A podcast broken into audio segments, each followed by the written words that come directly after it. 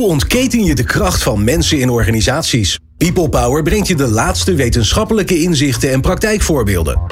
Over leiderschap en leren. Betrokkenheid en bevlogenheid. Inzetbaarheid en inclusie. Omdat mensen het verschil maken in jouw organisatie. People Power met Glen van der Burg. You cannot build an organization fit for the future if it's not fit for human beings. Professor Gary Hamel verbindt de toekomstbestendigheid van organisaties aan de mensgerichtheid van organisaties. En HR, Human Resources, heeft hier natuurlijk de sleutelrol in. In de reeks HR Creates People Power gaan we met HR-verantwoordelijken in gesprek over de kracht van mensen in organisaties. Wat is hun visie op innovatie, ondernemerschap en continu verbeteren? Wat is de kracht van mensen, maar zeker ook wat is de zwakte? En welke rol speelt HR hier dan in? Deze aflevering spreken we Paul Stevens, manager P&O bij Mensis. Nou, die kennen jullie natuurlijk allemaal wel, de uh, zorgverzekeraar. En wil je naar meer afleveringen luisteren van HR Creates People Power, en dat zijn er nogal wat, of wil je zelf in de uitzending komen als HR-verantwoordelijke? Ga dan naar peoplepower.radio en klik op de radioreeksen. Je kunt ons ook beluisteren op Spotify, Apple Podcast en alle andere platforms. Nou, daar weet je ons vast wel te vinden. Fijn dat je luistert naar People Power. People Power met Glenn van den Burg. Paul Stevens van Mensis, wat fijn dat je er bent. Ja, vond ik ook. Ja, nou, voor mij helemaal fijn, want uh, ja, het hoofdkantoor van Mensis zit in Wageningen en ik woon in Wageningen. Dus ik, ik, ja, ik kan ook als, als stadsgenoot, want we hebben stadsrechten als Wageningen, ja. uh, kan ik een beetje een inzage krijgen in, uh, in het leuke bedrijf wat, wat in Wageningen zit. Ben je ook Mensis verzekerd? Uh, nee, ik ben niet mensens verzekerd. Nee, nee. We hebben nog wat te doen. Kijk, er wordt gelijk zaken gedaan hier. Goed, ik moet op mijn teller gaan passen. Uh, nee, ik ben niet mensens verzekerd. Ik ben, uh, ik weet het eigenlijk niet eens. ik, ik, ben, ik, ik doe er eigenlijk nooit wat mee. Nee, okay. Ik ben verzekerd, maar ik hoef er gelukkig niet zoveel gebruik van te maken. Um, ja, we beginnen eigenlijk alle afleveringen van HR Creates People Power bij de business. Uh, dus bij de business in dit geval van, uh, van mensen is uh, ja, het belangrijkste doel wat jullie met elkaar hebben. Wat zijn nou de grootste uitdagingen die, die er voor mensen liggen ja, in jullie normale werk?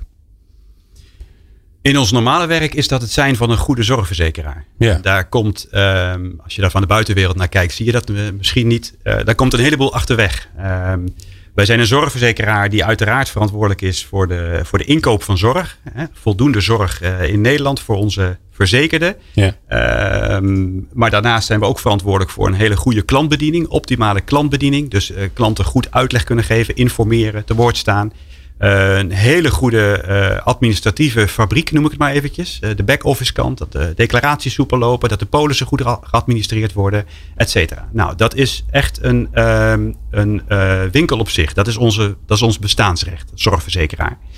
Um, het kost heel veel tijd om daar uh, up-to-date te blijven. Klanten vragen steeds nieuwe dingen. Dus daar ja, verandert daar een hoop in? Want eh, ik kan me ook voorstellen dat als er iets in de wet en regelgeving verandert, ja, dan zijn jullie aan de beurt. Dan moet je alles gaan aanpassen. Absoluut, absoluut. Het is een wereld waar uh, natuurlijk tot op zekere hoogte marktwerking van toepassing is. Hè? Klanten kunnen overstappen ieder jaar. Dus je moet scherp blijven om goede dienstverlening te blijven bieden. Concurrerende producten en goede dienstverlening.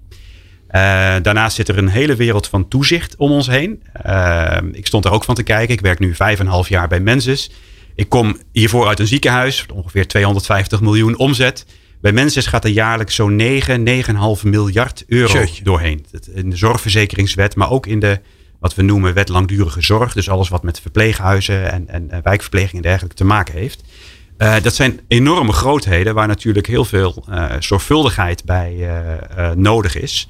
En in die zin hebben wij te maken met heel veel toezichthouders die zorgen dat dat uh, goed gebeurt en aantoonbaar goed gebeurt. Uh, denk aan de Nederlandse Bank, de Nederlandse Zorgautoriteit, maar ook heel veel uh, vraagstukken op het gebied van privacy, of we dat allemaal goed geborgd hebben. Autoriteit persoonsgegevens. Nou, ik zal al die afkortingen niet noemen, maar het zijn er heel veel. Uh, dus dat zorgt al dat je een behoorlijke brok werk hebt om gewoon een hele goede zorgverzekeraar te zijn. Ja, terwijl aan de andere kant, hè, want uh, natuurlijk belangrijk, het is publiek geld. We hebben dat met z'n allen uh, samen opgebracht en vervolgens verdelen we dat onder mensen die dat nodig hebben. Super belangrijk. Aan de andere kant, de mensen die, die jullie nodig hebben, die mensen nodig hebben ja, die, die willen snel geholpen worden. Uh, die, uh, die moeten eh, snel terecht kunnen in het ziekenhuis. Dus je hebt aan de andere kant juist weer heel veel snelheid in handelen nodig. Dat, dat lijkt me dat daar een, ja, dat, dat daar een soort spanning tussen zit tussen die twee. Nou, klopt. klopt hè. Dus we hebben dat, dat is wel deel van de core business. Hè. Wij hebben ook de plicht om mensen goede zorg te kunnen bieden. En ook toegankelijke zorg. Dus het moet ook beschikbaar zijn. Ehm, we merken de afgelopen periode met corona bijvoorbeeld dat dat best wel een, een, een kunst is. Hè? We, we, hebben heel veel zorgaanbieders gezien die ja, niet meer bepaalde operaties konden doen. Of, Waar soms ook verzekerde burgers niet meer naar de zorg toe wilden. Hè? Dus dat, in die zin was dat wel een, en is dat nog steeds wel een hele ingewikkelde periode. Maar wij hebben ook die, die taak inderdaad om de match te maken tussen onze verzekerden en de, het, het juiste zorgaanbod. Ja, want in het voorbeeld van, stel je voor, je moet geopereerd worden. Het ziekenhuis waar je dat gepland had, die zegt: Ja, sorry, we hebben nu geen, geen tijd, want we hebben, zijn met corona bezig. Komen ze dan bij jullie weer terecht? Bellen ze dan weer bij jullie aan? Zeggen ze nou, beste zorgverzekeraar, help? Zeker, zeker. We hebben daar ook uh, speciale medewerkers voor, uh, afdelingen okay. voor. Bij ons heet dat zorgadvies. Die, die zijn inderdaad erop gericht om die match te maken tussen waar kunt u het beste terecht met uw probleem, met uw situatie. Ook als dat niet in je eigen voorkeursziekenhuis kan, maar wel de wens is om het snel te doen, dan kunnen wij daarin bemiddelen. Ja. Maar dat, dat is zeg maar de basis hè, van ons. Van ja. ons, uh, van maar dan, dan, zijn we er nog niet. Dan zijn we er nog niet. we hebben ook nog wel een, een aparte missie uh, daarbij. Eigenlijk twee dingen die ik daarbij wel kan noemen. Eén is dat wij echt werk maken van preventie. Dus dat is eigenlijk een, een terrein waar in het verleden uh, wat, wat een beetje braak lag. Hè? Iedereen vindt het belangrijk, maar wie stapt er nou echt in? Wij willen echt verantwoordelijkheid nemen om preventie in Nederland op de kaart te zetten. Dus uh, iedere burger in Nederland uh, een beetje gezonder te maken. Dat is zeg maar de, de uh, missie van ons. Wij noemen dat ook wel leefkracht. Preventie noemen wij intern leefkracht. En ook in de buitenwereld wel. Nou, daar hebben we een heleboel activiteiten in waar wij onze maatschappelijke verantwoordelijkheid willen nemen. We zien dat de zorg steeds duurder wordt. We zien dat uh, ook steeds meer zien we dat, dat, dat leefstijlcomponenten heel erg van invloed zijn op uh, bepaalde ziektebeelden, met name chronische ziektebeelden. En wij willen echt samen met uh, zorgpartners, maar ook met de overheid kijken hoe wij daar stappen in kunnen zetten om Nederland net weer iets gezonder te maken. Ja. Het, niet, niet de pretentie dat iedereen gezond zal zijn ooit, want je houdt altijd ziektes, maar ja. vanuit ieders uitgangspunt kun je daarin stappen zetten. Ja, mooi dat, is, dat is een ding wat ik uh, denk belangrijk vind. En het tweede is dat wij um, willen een verzekeraar zijn die echt ook impact heeft in de regio's waar, we, uh, waar wij groot zijn. Wij zijn van oudsher, hè, die, die, die zorgverzekeraarswereld is een beetje. Uh, Vroeger was het een soort van verkaveld, toch? Ja. Uit, uit ziekenfondsen en particuliere verzekeraars die we ooit hadden, zo'n zo'n zo'n 15 jaar geleden, zeg maar. En wij hebben vanuit die situatie ja, een grote focus in het het noorden van Nederland en Groningen, maar ook uh, Twente en Achterhoek, waar we heel groot zijn. Gebied rondom Arnhem, uh, nou, Wageningen ook, uh, ja. Tiel, zeg maar, die kant op. En de regio West, rondom Den Haag. Dat, dat zijn echt onze kernregio's vanuit de oudsher. En daar zien we echt als onze opdracht om over de grenzen van wetten heen verzekerden te helpen. Hè, je bent als je ziek bent kun je te maken hebben met uh, uh, regels vanuit verschillende wetten.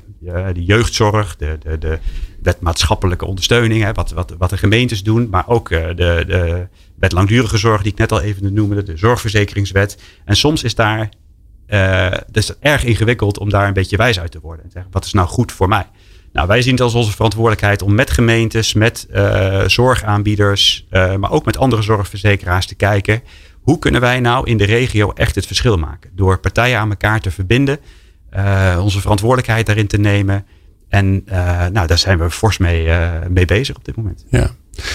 Als je die nou uh, doorvertaalt, hè, dus je hebt zeg maar het, het zijn van een, uh, van een zorgverzekeraar als, als basis. En je hebt die twee verbijzonderende dingen waarvan jij zegt van nou daar hebben, we, uh, daar, daar hebben we een missie in. Hoe vertaalt zich dat door in de prioriteiten van jou, van, van degene die verantwoordelijk is voor HR of PNO? Nee, geef er een naampje aan. Dus wat ja. staat er op jouw prioriteitenlijst, de top drie? Ja, als er vier zijn, is het ook goed. Ja, ja, ja, ja, ja. ja goede vraag. Um, uh, uiteraard, nou, wat we zien is dat die wereld heel snel aan het veranderen is. Hè. Je komt uit een gereguleerde markt uh, of een gereguleerde wereld die ooit ziekenfonds heet. Waar je eigenlijk uitvoering gaf aan een bepaalde landelijke regeling. Administratief uh, verhaal, zeg maar. Waar er steeds meer beroep wordt gedaan op marktwerking. Waar we steeds meer zien dat klanten andere dingen van ons vragen. Waar we ook steeds meer zien, ik noemde de wereld van toezicht al, die daarop uh, zit. Dus die wereld is echt snel in verandering. Uh, dat speelt ook bij ons. Mhm. Waardoor wij niet meer de organisatie zijn die je van bovenaf alleen maar kunt aansturen. Hè? Als ware je een, een, een, soort marionettenorganisatie. Hè? Dus die eh, ik zeg niet dat het in het verleden zo was, maar dat is niet meer te doen. Wij, wij hebben echt iedere medewerker nodig om die, die voelsprieten open te houden. Wat zie ik gebeuren in de buitenwereld? Wat zie ik gebeuren bij zorgaanbieders? Wat vragen onze klanten? Hey, heb ik nou drie keer dezelfde vraag gekregen? Moeten we misschien toch eens kijken of uh, ons product nog helemaal uh, up and running is? Of wat zien wij in de buitenwereld bij, bij zakelijke klanten die we hebben, die collectieven afsluiten, collectiviteiten afsluiten? Dat is niet meer vanaf een, een kantoor of iets dergelijks te organiseren. Dat, daar hebben wij onze mensen voor nodig om die voelsprieten uh, te hebben. En daar ook mee wat te gaan doen. Dus ook te vertalen naar uh, uh, verbeteringen, veranderingen. En dat hoeft niet altijd groot en meeslepend te zijn.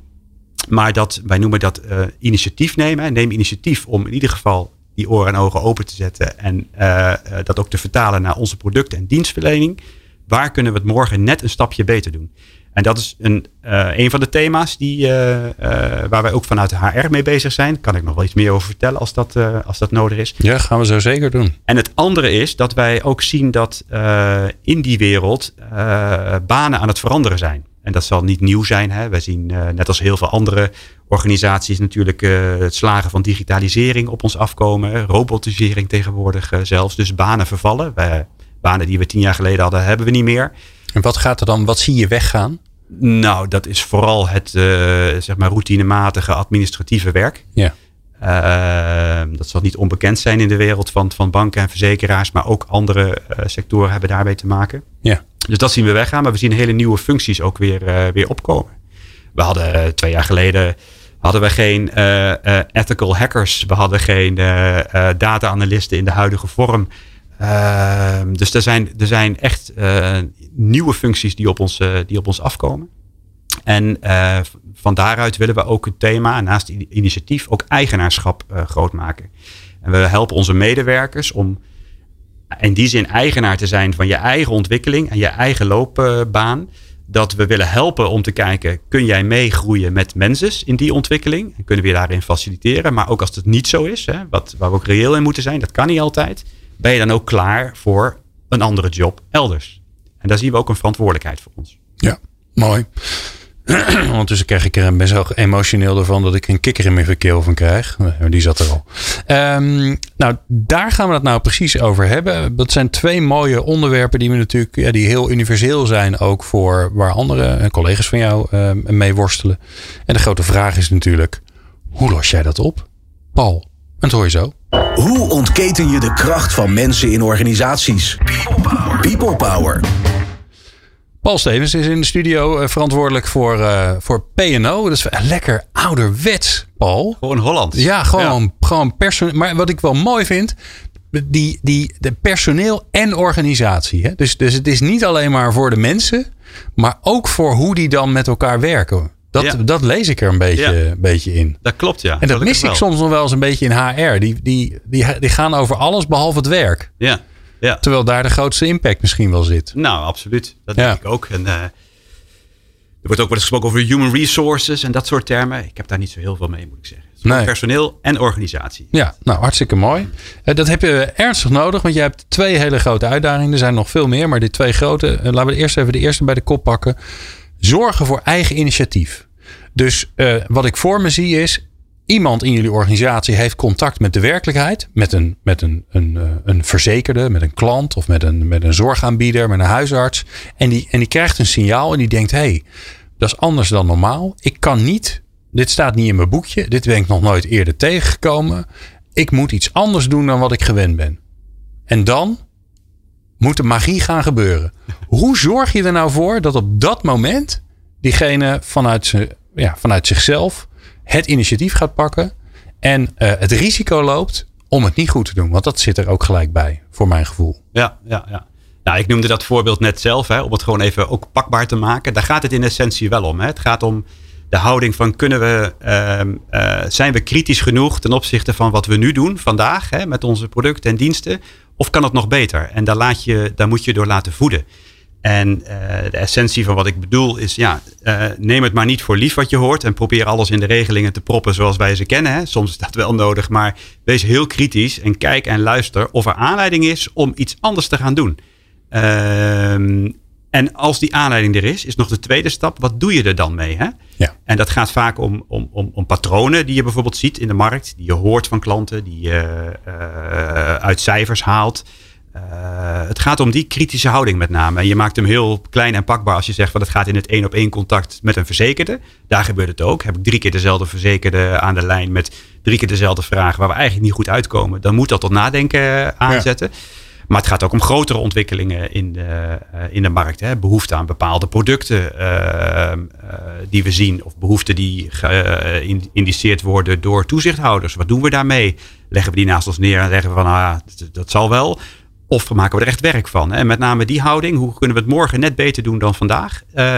dat is wat ik bedoel met dat stukje initiatief. Ja. En ik kan me voorstellen dat, dat een van de dingen die je nodig hebt, is dat je dan moet snappen waar mensen voor staat. Hè? Want je moet ook, jij, moet, jij, jij bent eigenlijk de verpersoonlijking uh, als collega voor mensen als geheel. Hè? Ja. Ik bedoel, die, die klant of die verzekerde heeft jou aan de lijn en jij bent dan Mensis.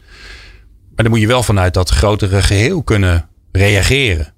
Dus hoe zorg je ervoor dat ik dat snap als jouw collega? Ja. Van, van waar, wij, waar wij voor staan als mensen. Ja, dat vraagt dus hele intensieve en open lijnen, zeg maar. Vanaf, uh, vanaf je missie, je strategie bijna, tot aan jouw werk. Hè. Mensen moeten echt een vertaling kunnen maken van oké, okay, mensen wil iets met preventie. Wat betekent dat voor mij aan de telefoon? Of wat ook binnen HR, wat betekent dat voor mij als uh, PNO-adviseur? Um, um, uh, het practice what you preach hebben we heel hoog in het vaandel staan. Maar dat betekent bijvoorbeeld dat we ook onze medewerkers in de callcenters heel erg, bij, heel erg veel bijpraten over wat zijn de mogelijkheden, hoe, wat kun je klanten ook aanbieden als het gaat om preventie, als het gaat om, hè, wij, wij hebben dan een samen gezond product, zo heet dat. Uh, hoe kun je dat inpassen in je, in je telefoongesprek, et cetera. En chats en, en, ja. en chatbots en uh, dat soort. Uh, ja. ja. ja. En, en, en, hoe zorg je dat die, dat die.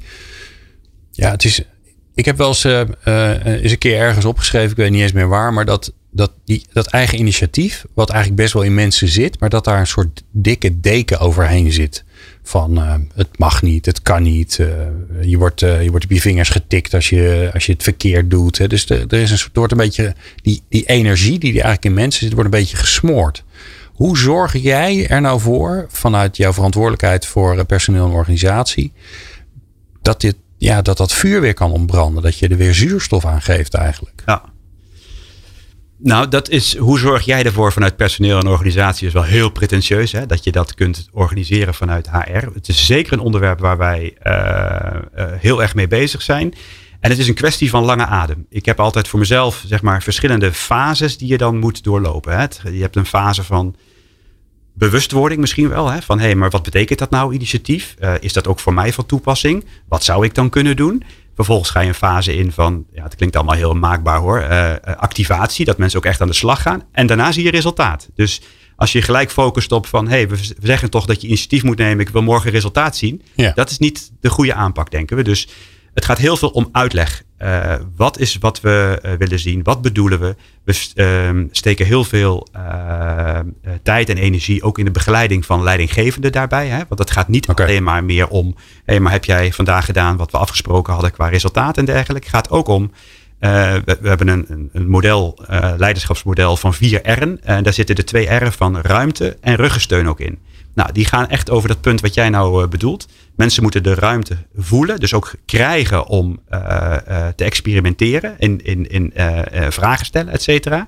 Maar ook ruggensteun voelen van als het een keer niet goed gaat, dat niet gelijk het als een fout wordt bestempeld en dat doen we morgen niet meer. Hè? dus dat nee, maar zijn... dan is het einde verhaal, toch? Ik bedoel, je, je, de dan, dan doof je weer datgene wat je, waar je zoveel energie aan hebt gegeven om absoluut. weer aan te wakkeren. Ja, absoluut. Ja, ja. En als dus, dat wel gebeurt, want dat vind ik altijd wel interessant. Hè? Dus, dus natuurlijk enorme leidinggevende uh, die help je. En, en nu hoor jij, het zal vast niet bij jullie gebeuren, maar hypothetisch. Nu hoor jij gewoon van een bepaalde afdeling, daar zit een leidinggevende op. Ja, die is gewoon van de oude stempel. Die is van met knoeten over. En uh, als je het niet goed doet, dan uh, krijg je te horen. En uh, als je het wel goed doet, nou ja, dan, dan hoor je niks. Hè? Dus als je niks hoort, dan is het wel goed. Eigenlijk precies wat je niet wil. Ja. Wat doe je dan? Ja, nou, dat doe ik niet heel veel anders, denk ik, als in de, de meeste bedrijven gebeurt, hopelijk. Dat is dat er een gesprek komt met zo'n leidinggevende. Hè. Er zijn voldoende manieren waarop je dat detecteert. Is het niet in je, in je medewerkersonderzoek wat, wat plaatsvindt, dan komt het wel via andere kanalen naar boven. ik vind misschien wel lastiger de situatie waarin je dit wilt als bedrijf en ehm, uh, het is zowel aan de kant van de leidinggevende als van de medewerker. Denk van ja, het is eigenlijk wel goed zoals het is. Hè? dan, dan detecteer je zoiets uh, minder snel. Hè? Gelukkig komt dat niet heel veel voor, maar dat zijn de moeilijk uh, pakbare situaties. Ja, dus dat er een, een, beetje ingeslapen bende is. Dat gewoon een beetje van we vinden het eigenlijk wel prima zoals het ging.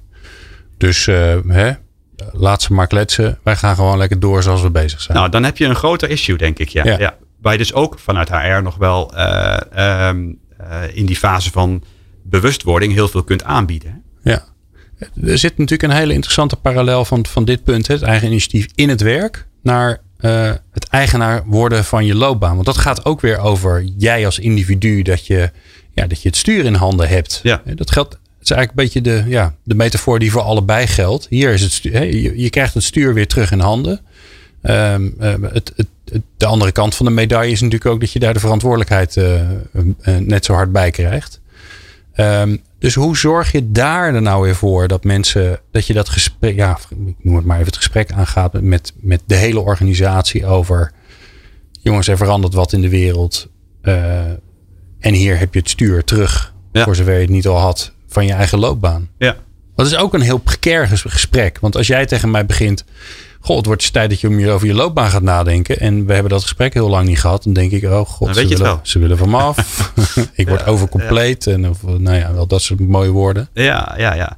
Nou, het zit heel veel in uh, uh, manieren van hoe je dingen aanvliegt. Hè. We hebben zowel bij het initiatief als het eigenaarschap, uh, denken we er heel goed over na. Initiatief, wat, waar we het net over hadden, dat is iets wat we eigenlijk als een verplichting zien voor alle medewerkers. Werk je bij Mensis, dan heb je de verplichting om heel kritisch te kijken naar je werk en of dat morgen nog hetzelfde is of net iets beter kan.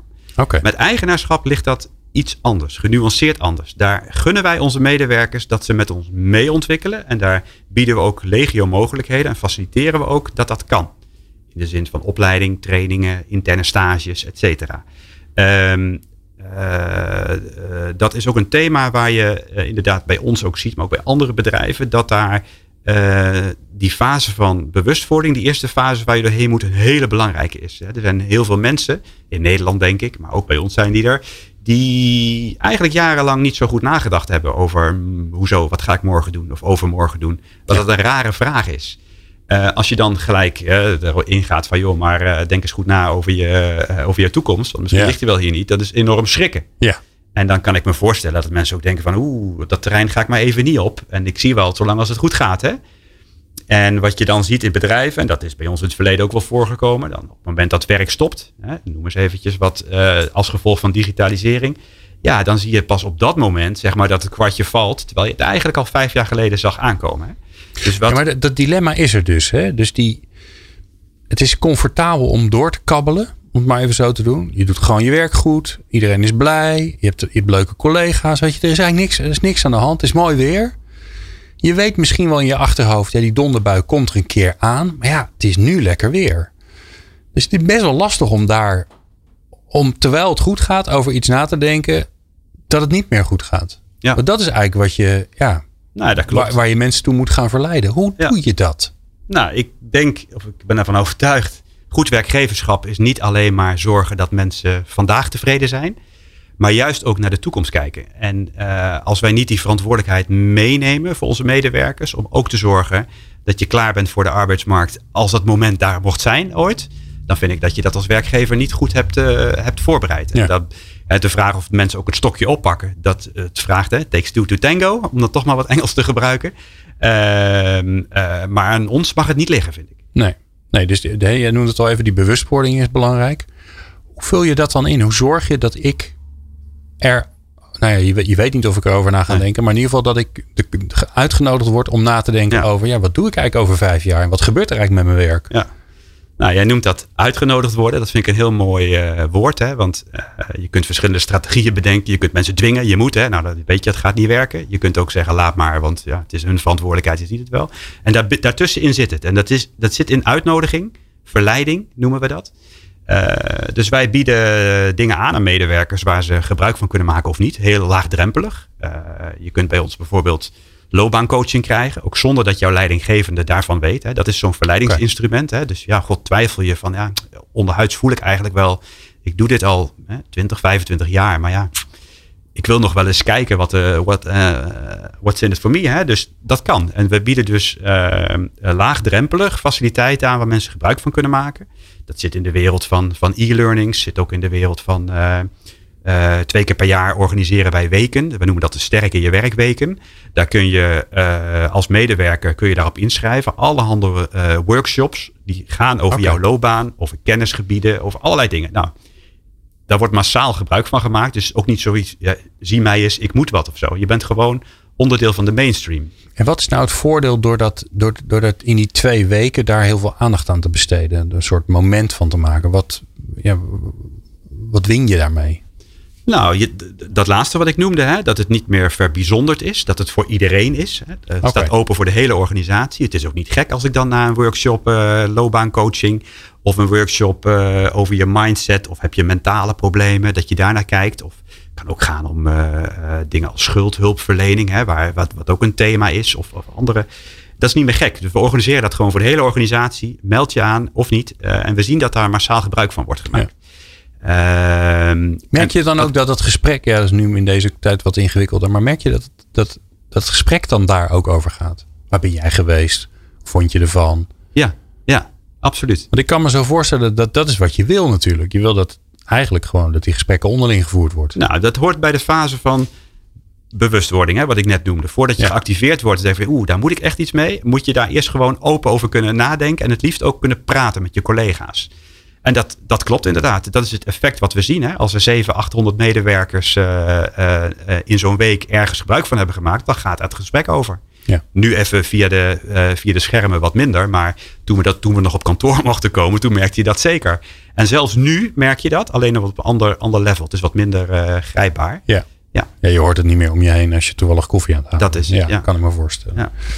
Ja, um, ja waar ik het zo met je over wil hebben is... Um, ja, hoe je nou invulling geeft aan die kracht van mensen in organisaties. Daar wil ik nog even wat meer over weten. Maar we gaan zo eerst naar uh, de column van uh, Aukje Nauta. En die heeft een, uh, ja, die heeft, ik toevallig al gehoord. Ik heb een hele mooie column, dus blijf vooral luisteren. Leiderschap, leren, inzetbaarheid en inclusie. De laatste inzichten hoor je in People Power. Aukje Nauta is uh, al jaren onze columnist. En dat zeg ik waarschijnlijk uh, elke maand als ze er weer is. Um, en wat ik heel mooi vind om te zien is uh, hoe zij zichzelf ontwikkelt. Want dat gaat met, met enorme sprongen van, van al een hele super expert. naar ondertussen een, een prachtige verhalen vertellen. Want ik weet dat ze daar heel veel tijd en energie in stopt. En dat is te horen.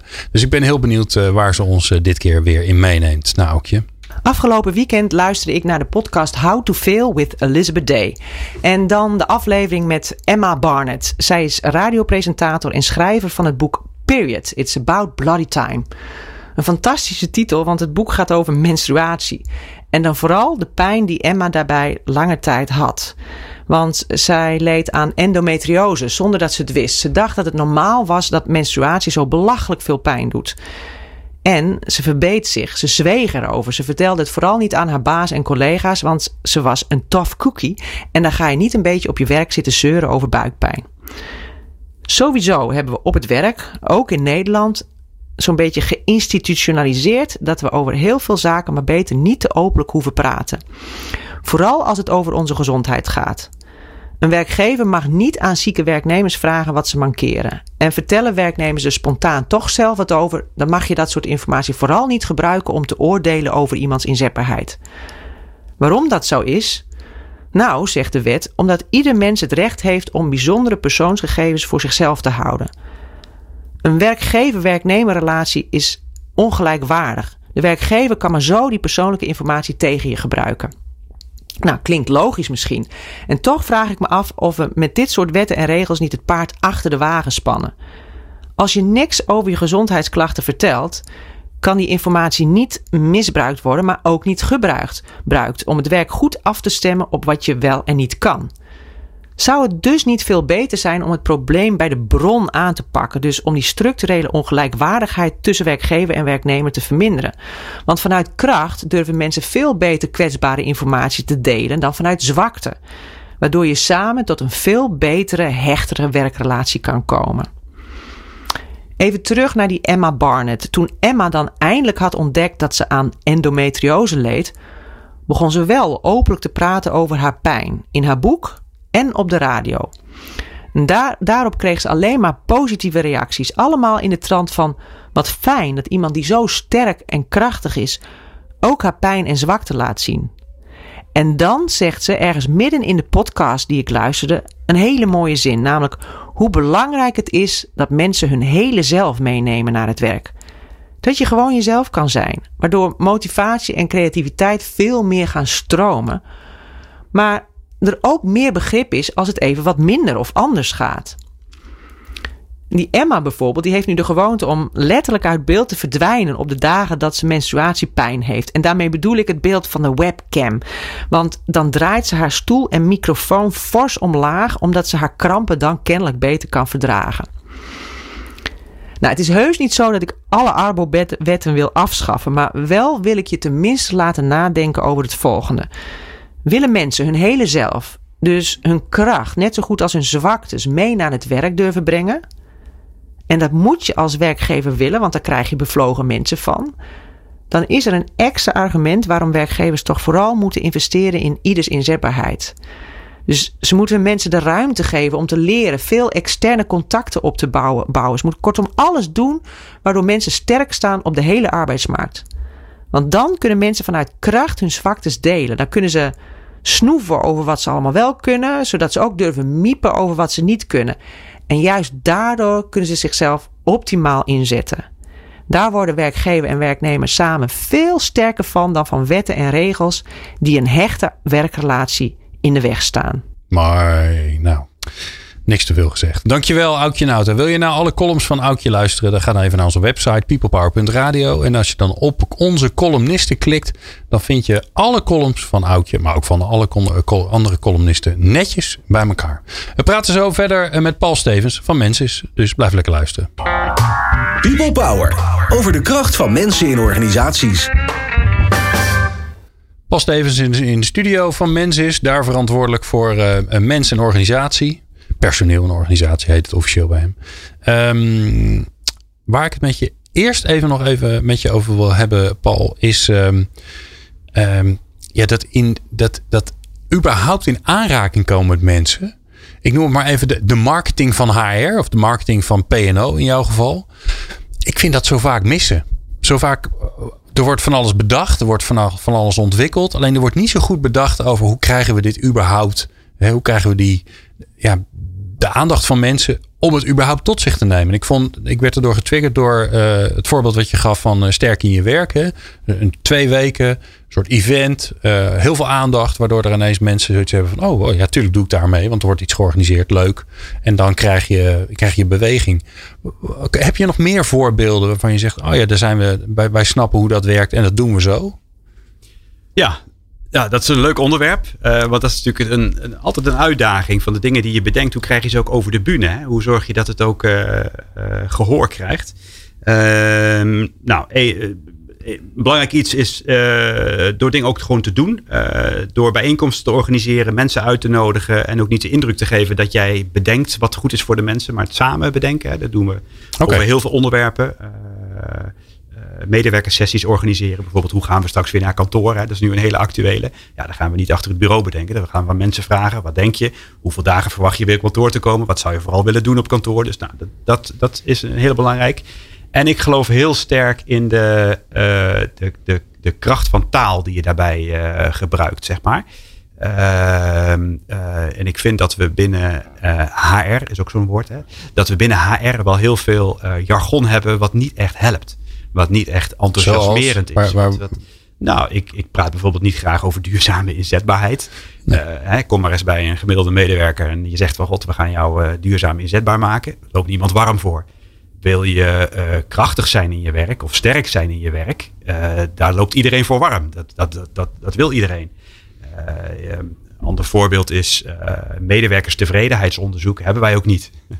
Want je kunt wel best koersen op tevredenheid. Maar ja, je kunt heel goed met heel tevreden medewerkers je resultaten niet uh, behalen. Hè. Dus uh, daar praten wij ook niet over. Ik praat liever ook niet over thema's als, als, als werkdruk, maar liever aan de andere kant. Want wat voor middelen heb jij om je werk te kunnen organiseren? En wat voor feedback krijg je daarover? Welke, welke ruimte voel je?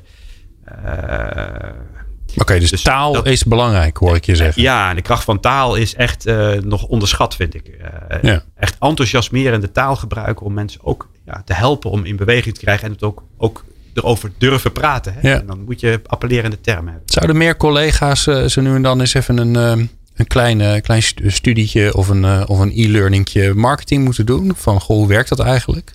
Wat kunnen we daarvan leren? Ja, dat is misschien wel een goed idee. Ja. Als je wel dicht bij uh, je, je, je, je boodschap blijft. Hè? Dus het moet niet alleen maar het verhaal zelf worden. Nee. En niet alleen maar een roze bril waar dingen allemaal mooi gepresenteerd worden. Maar het is wel, uh, hoe zet je mensen aan? Uh, dat merk ik wel steeds meer dat het door de goede woordkeuze gebeurt. Ja.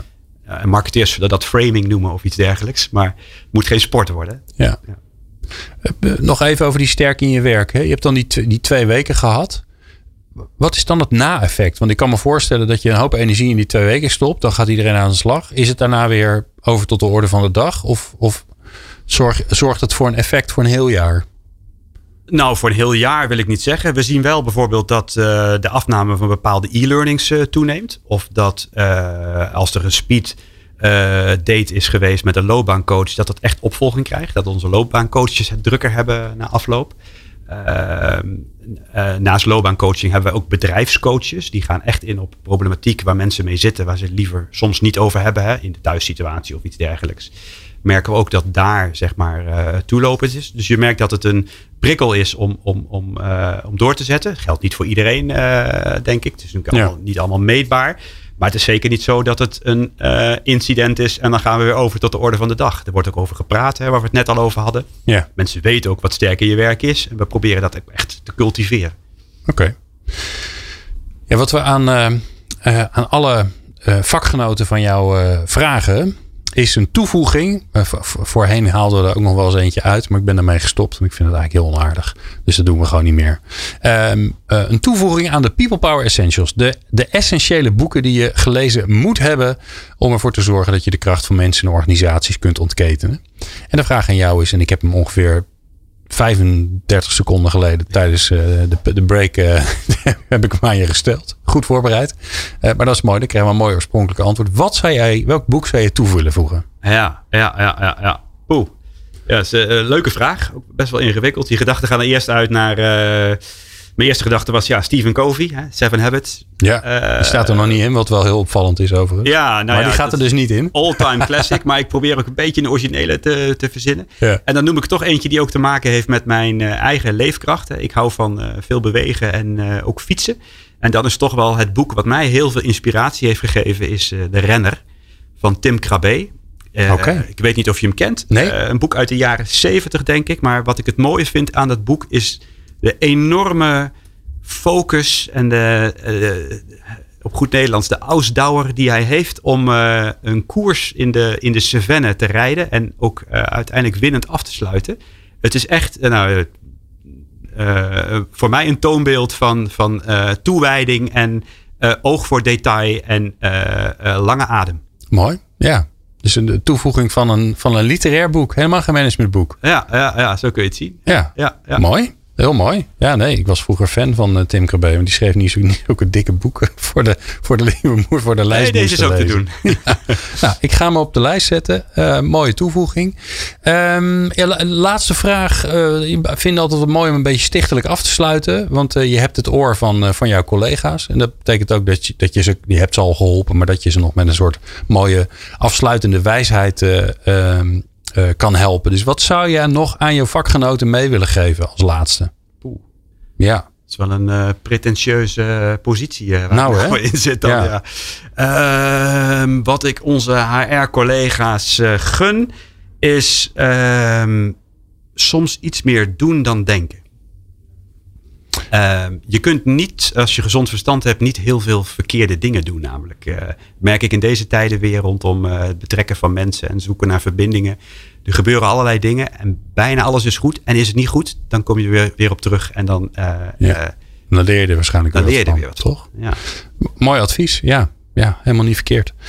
Uh, ik dank je zeer. Paul Stevens, uh, manager PNO van Mensis. Uh, over een maand ongeveer, dan hebben we natuurlijk weer de volgende HR Creates People Power. Maar straks hebben we een People Power Change met Jeroen Buescher. Uh, die ja, twee collega's van de gemeente Katwijk hebben, hebben, heeft uitgenodigd om van hen te horen van ja, hoe krijgen zij al die veranderingen daar voor elkaar. Als je deze aflevering nou interessant vond, dat hopen we natuurlijk. En dan kan je ons helpen bij het verspreiden van uh, onze podcast. Geef ons dan vijf sterren op Apple Podcasts. Of volg ons op Spotify. Of doe een like of een duimpje. Of nou ja, datgene wat er op jouw platform nodig is. Uh, dat zorgt ervoor namelijk dat wij weer hoger in alle rankings komen. En dan gaan er weer meer mensen luisteren. En uiteindelijk gaan er dan weer meer mensen gebruik maken van de kracht van mensen in organisaties. En daar doen we het allemaal voor. Ik dank je zeer voor het luisteren naar People Power. Meer afleveringen vind je op peoplepower.radio en jouw favoriete podcast app.